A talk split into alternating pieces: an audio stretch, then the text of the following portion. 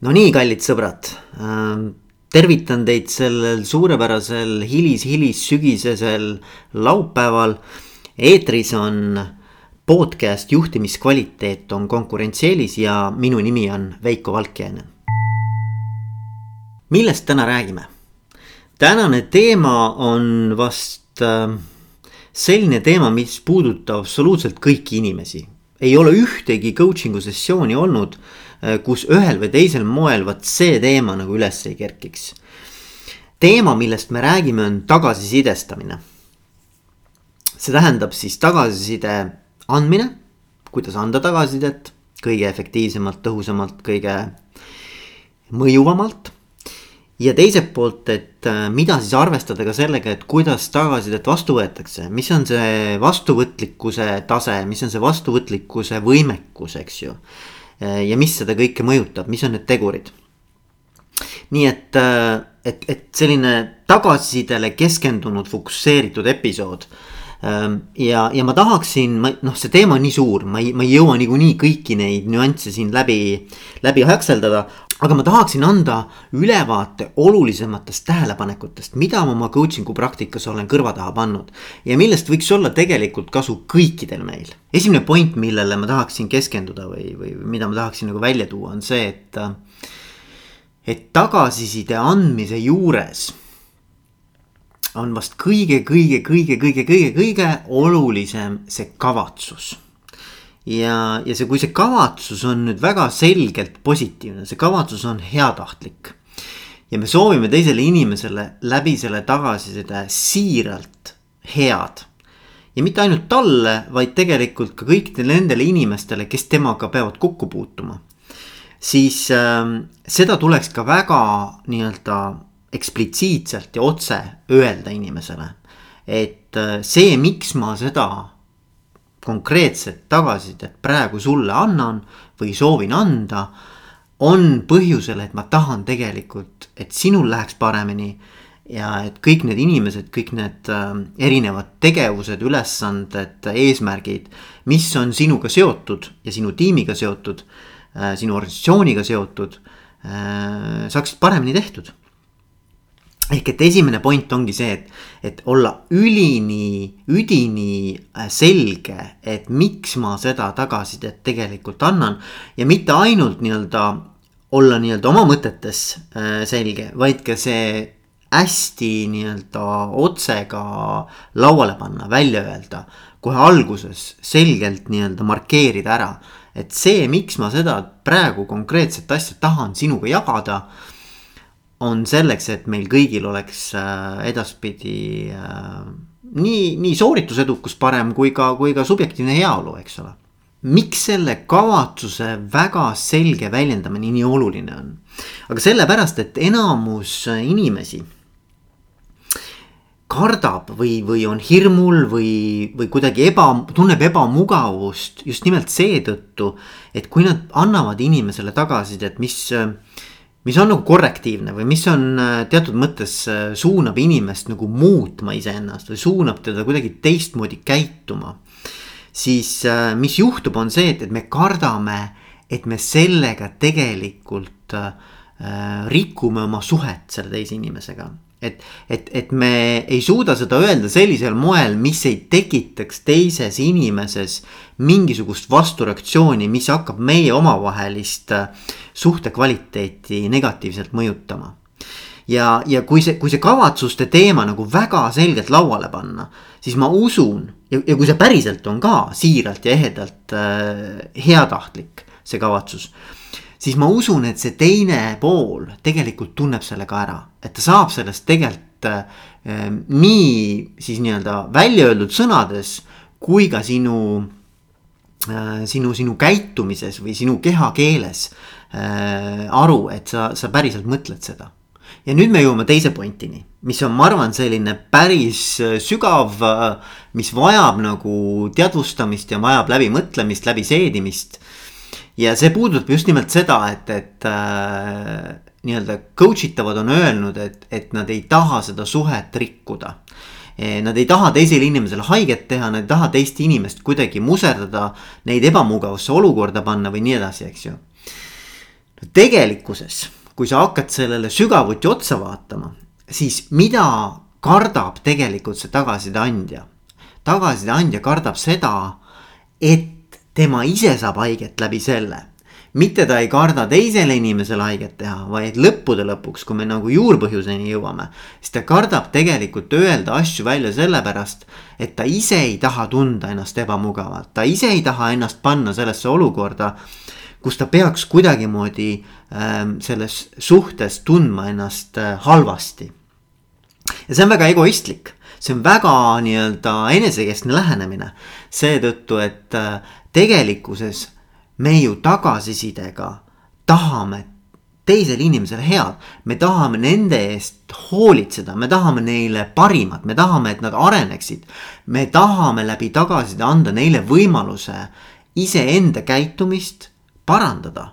olla veelgi parem tiimikaaslane, ma ei tea, inimene, kaasa, mis iganes, eks ole et, et kui mõelda seda pigem nagu sellest lähtekohast, et tegelikult tagasiside annab võimaluse sellele inimesele, kellele ma annan tagasisidet, paremaks saada. siis ei teki seda küsimust, et oi, äkki ta saab haiget, oi, äkki ma tegelikult rikun meie suhet. ja nii edasi ja nii edasi. sa tegelikult oled väga isekas ja egoistlik, kui sa ei anna seda tagasisidet ja siinjuures ma tahan veel nagu, nagu rõhutada seda, et, et, et kui me räägime, et kes saab haiget ja kes ei saa haiget või kes saab haiget teha ja kes ei saa teisele haiget teha. siis lõppkokkuvõttes igaüks vastutab ise oma tundemaailma eest. mina saan tagasiside andjana vastutada ikkagi selle eest, mis on minu tunded ja sina tagasiside saajana saad ikkagi vastutada ainult ise selle eest, mida sina tunned.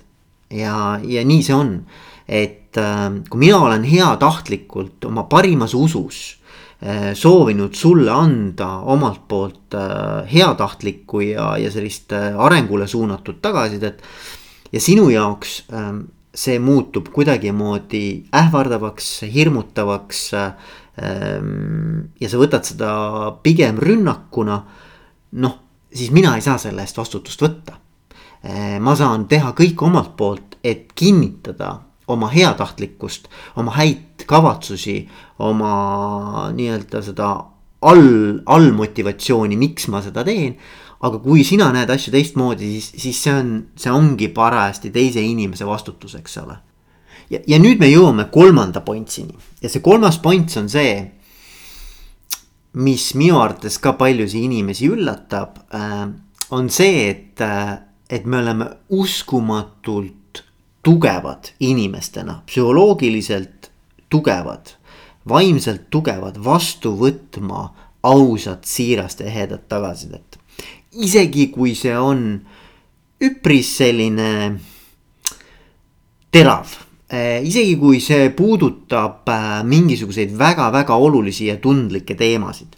kui teine inimene tunneb ära, et sa oled tahtnud talle tegelikult anda seda tagasisidet eesmärgiga teda toetada siis ta on võimeline seda palju paremini vastu võtma, kui me eales ise tegelikult usuksime. ehk et inimesed on palju tugevamad, nad on palju ähm,, palju vastuvõtlikumad nii-öelda selles mõttes see võimekus vastu võtta mingit olulist sensitiivset informatsiooni on suurem, kui me, kui me tegelikult oskaksime ise äh, seda eales arvata ja mis võib-olla annaks veel kindlust juurde siis tagasiside andjale. et, et tagasiside saaja on valmis seda vastu võtma, on, on, on lihtne küsimus. et äh, küsida inimese käest pärast seda, kui sa ütled, et sinu kavatsused on äh, head, sinu kavatsused on tegelikult toetada seda inimest. et sa hoolid temast ja tahad talle parimat, on ju, et küsida ta käest, et äh, ennem kui ma hakkan seda teemat sulle rääkima, et kas sa päriselt tahad seda kuulda? ehk et sa annad inimesele tegelikult võimaluse öelda ka ei, ma ei taha tegelikult sinu käest seda tagasisidet kuulda. Äh, mis iganes põhjusel ja, ja, ja minu arvates see on, äh, see on nagu vastutuse jagamine teise inimesega, vastutuse andmine talle, et. et kas sa oled valmis, kas sa tahad, kas sa tegelikult usaldad mind piisavalt, et seda ära kuulata. ja, ja teisel inimesel on alati võimalus öelda ei, ma ei taha aga siis sa oled andnud tegelikult talle selle võimaluse ise otsustada, valida. Ähm, kas ta seda siis kuuleb või mitte ja nüüd neid inimesi, kes päriselt ütleksid, et äh, aitäh, et sa mulle seda võimalust pakud, aga ma ei soovi kuulda seda tagasisidet, eks ju. noh, ma arvan, neid on ikkagi nagu olematu arv, eks ole, et, et tegelikult on mõni üksik inimene, kes seda võib öelda. ja see põhjus on pigem seal siis see, et, äh, et kas seal on usaldustase madal, kas see inimene tegelikult juba teab, mida sa öelda tahad.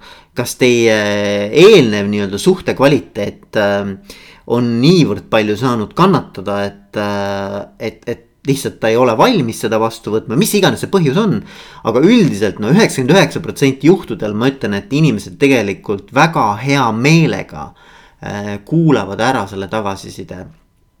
ja, ja tegelikult isegi äh, kui küsida, et kas sa tahad enda jaoks sellist sensitiivset ja, ja natuke sellist võib-olla konstruktiivset ja kriitilist tagasisidet, siis, siis ma arvan, enamus inimesi ütlevad muidugi tahan. loomulikult tahan, miks nad mulle juba ei anna seda, eks ole, ma tahaks saada paremaks, eks. aga et, äh, et noh, et, et, et siis see on ka valideeritud meie küsimuse näol, eks. nii ja nüüd me olemegi jõudnud neljanda pointsini.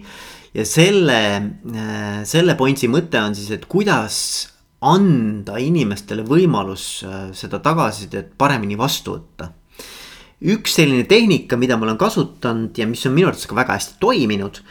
on see, et sul on kõigepealt võimalik sellele tagasisidele vastata ainult kahel moel.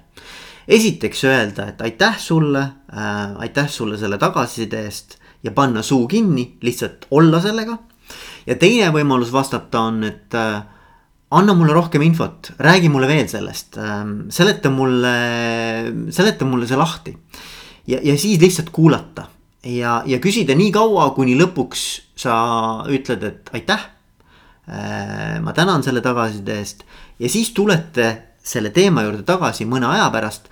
kui see on juba nii-öelda lahtunud, see esmane reaktsioon on lahtunud, esmane selline emotsioon on äh, saanud äh, aega jahtuda ja räägite sellest siis kaine ja sellise ratsionaalse peaga edasi, et et minu arvates see on väga hea eelnevalt kokku leppida, et, et, et see on see koht, kus ma annan sulle tagasisidet. Eh, sa võtad seda vastu täpselt nii palju, kui sa võtad, eks ole. Eh, saad mulle öelda igal hetkel, et aitäh, ma sain selle tagasiside kätte me tuleme selle teema juurde tagasi, ise ei reageeri rohkem sellele, isegi kui on tohutu selline kiusatus hakata ennast õigustama, hakata ennast äh, ähm, lahti seletama, põhjendama äh,, võib-olla tõlgendama, mida iganes, eks ole ähm,. aga et, et jääda selle tagasisidega ja, ja loomulikult alati on võimalus võtta sealt täpselt seda, mida sa ise õigeks pead.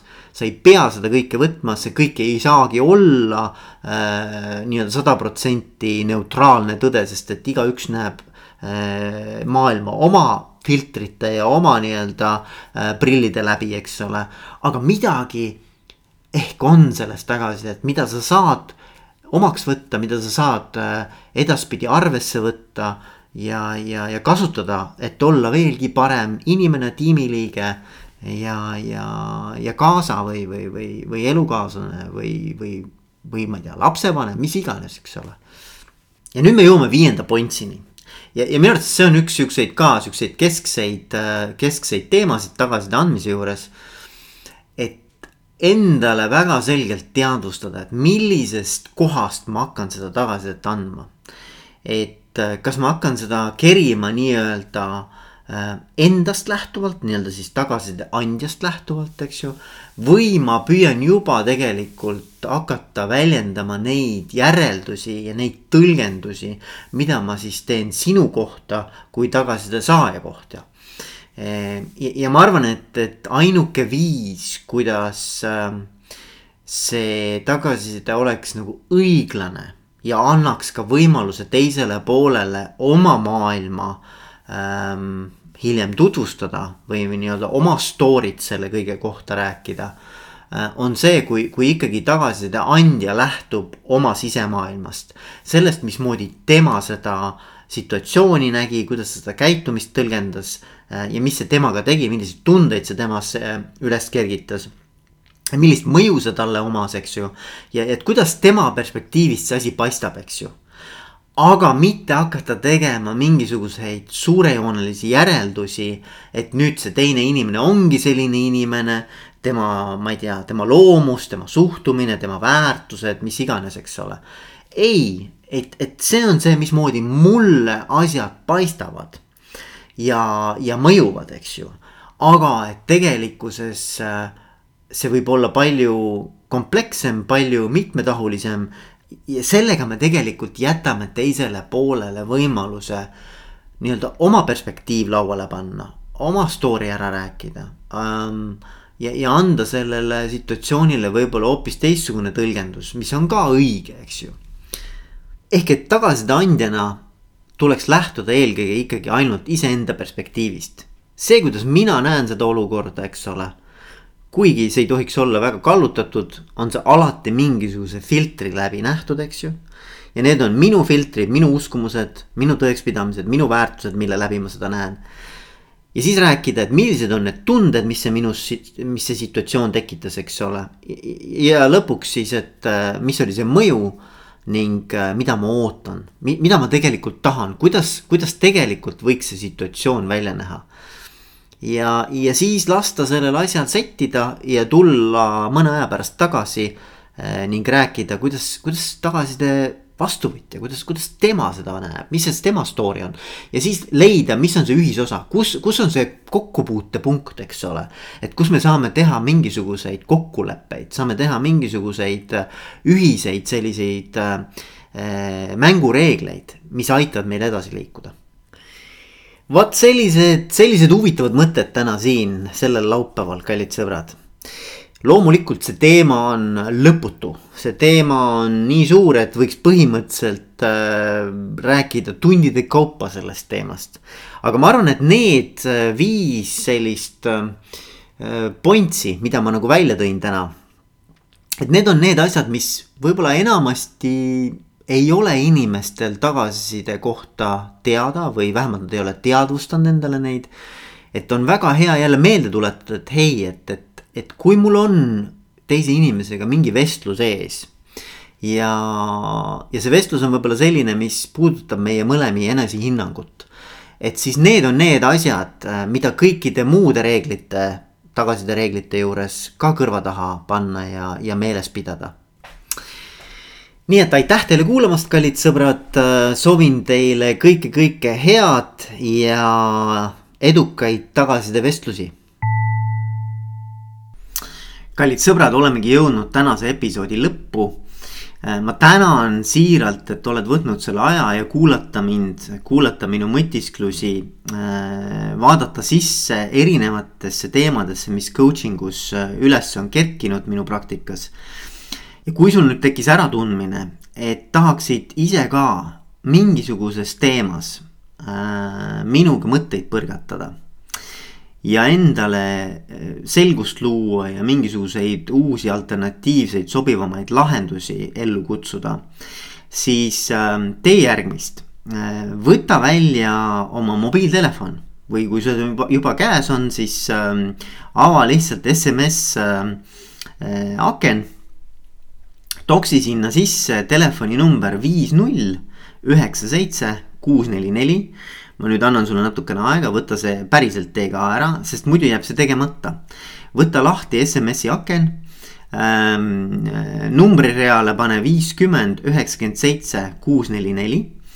ja, ja kirjuta mulle, et mis sulle sellest konkreetsest episoodist kõige rohkem meelde jäi kui sa midagi muud ei taha kirjutada, siis kirjuta mulle lihtsalt ka kolm varianti. esimene variant, äh, aitäh Veiko, et jagasid oma mõtteid minuga. olen huvitatud sinuga nendest teemadest lähemalt rääkima. teine variant, aitäh Veiko, et jagasid minuga oma mõtteid. Äh, hetkel coaching ei ole minu jaoks, aga mine tea, võib-olla tulevikus olen huvitatud ja kolmas, et äh, aitäh, Veiko, et jagasid oma mõtteid äh,. aga coaching ei ole minu jaoks ja ma ei ole sellest huvitatud. ka see on minu jaoks tegelikult äh, hea tagasiside, nii et äh, ole hea tee see väike asi, võta lahti SMS äh, Messengeri äh, aken kirjuta mobiiltelefoni numbri reale viiskümmend üheksakümmend seitse kuus neli neli, mis on minu number. Ja siis äh, kirjuta oma mõtted äh, paari lausega, mis sellest episoodist kõnetama jäi ja siis kolm varianti, et aitäh Veiko, et jagasid oma mõtteid. Mm, olen huvitatud, tahaksin sinuga nendel teemadel lähemalt rääkida. aitäh, et jagasid mõtteid, hetkel ei ole coaching minu jaoks, kuigi tulevikus olen avatud selleks. Ähm, ja kolmas siis, et aitäh, et jagasid mõtteid, aga äh, ei ole üldse huvitatud coaching ust. Ja see on ka okei. Okay., ühesõnaga tehke see call to action ära ja ma loodan kuulda teist juba peagi. Kõike head, olge mõnusad, tšau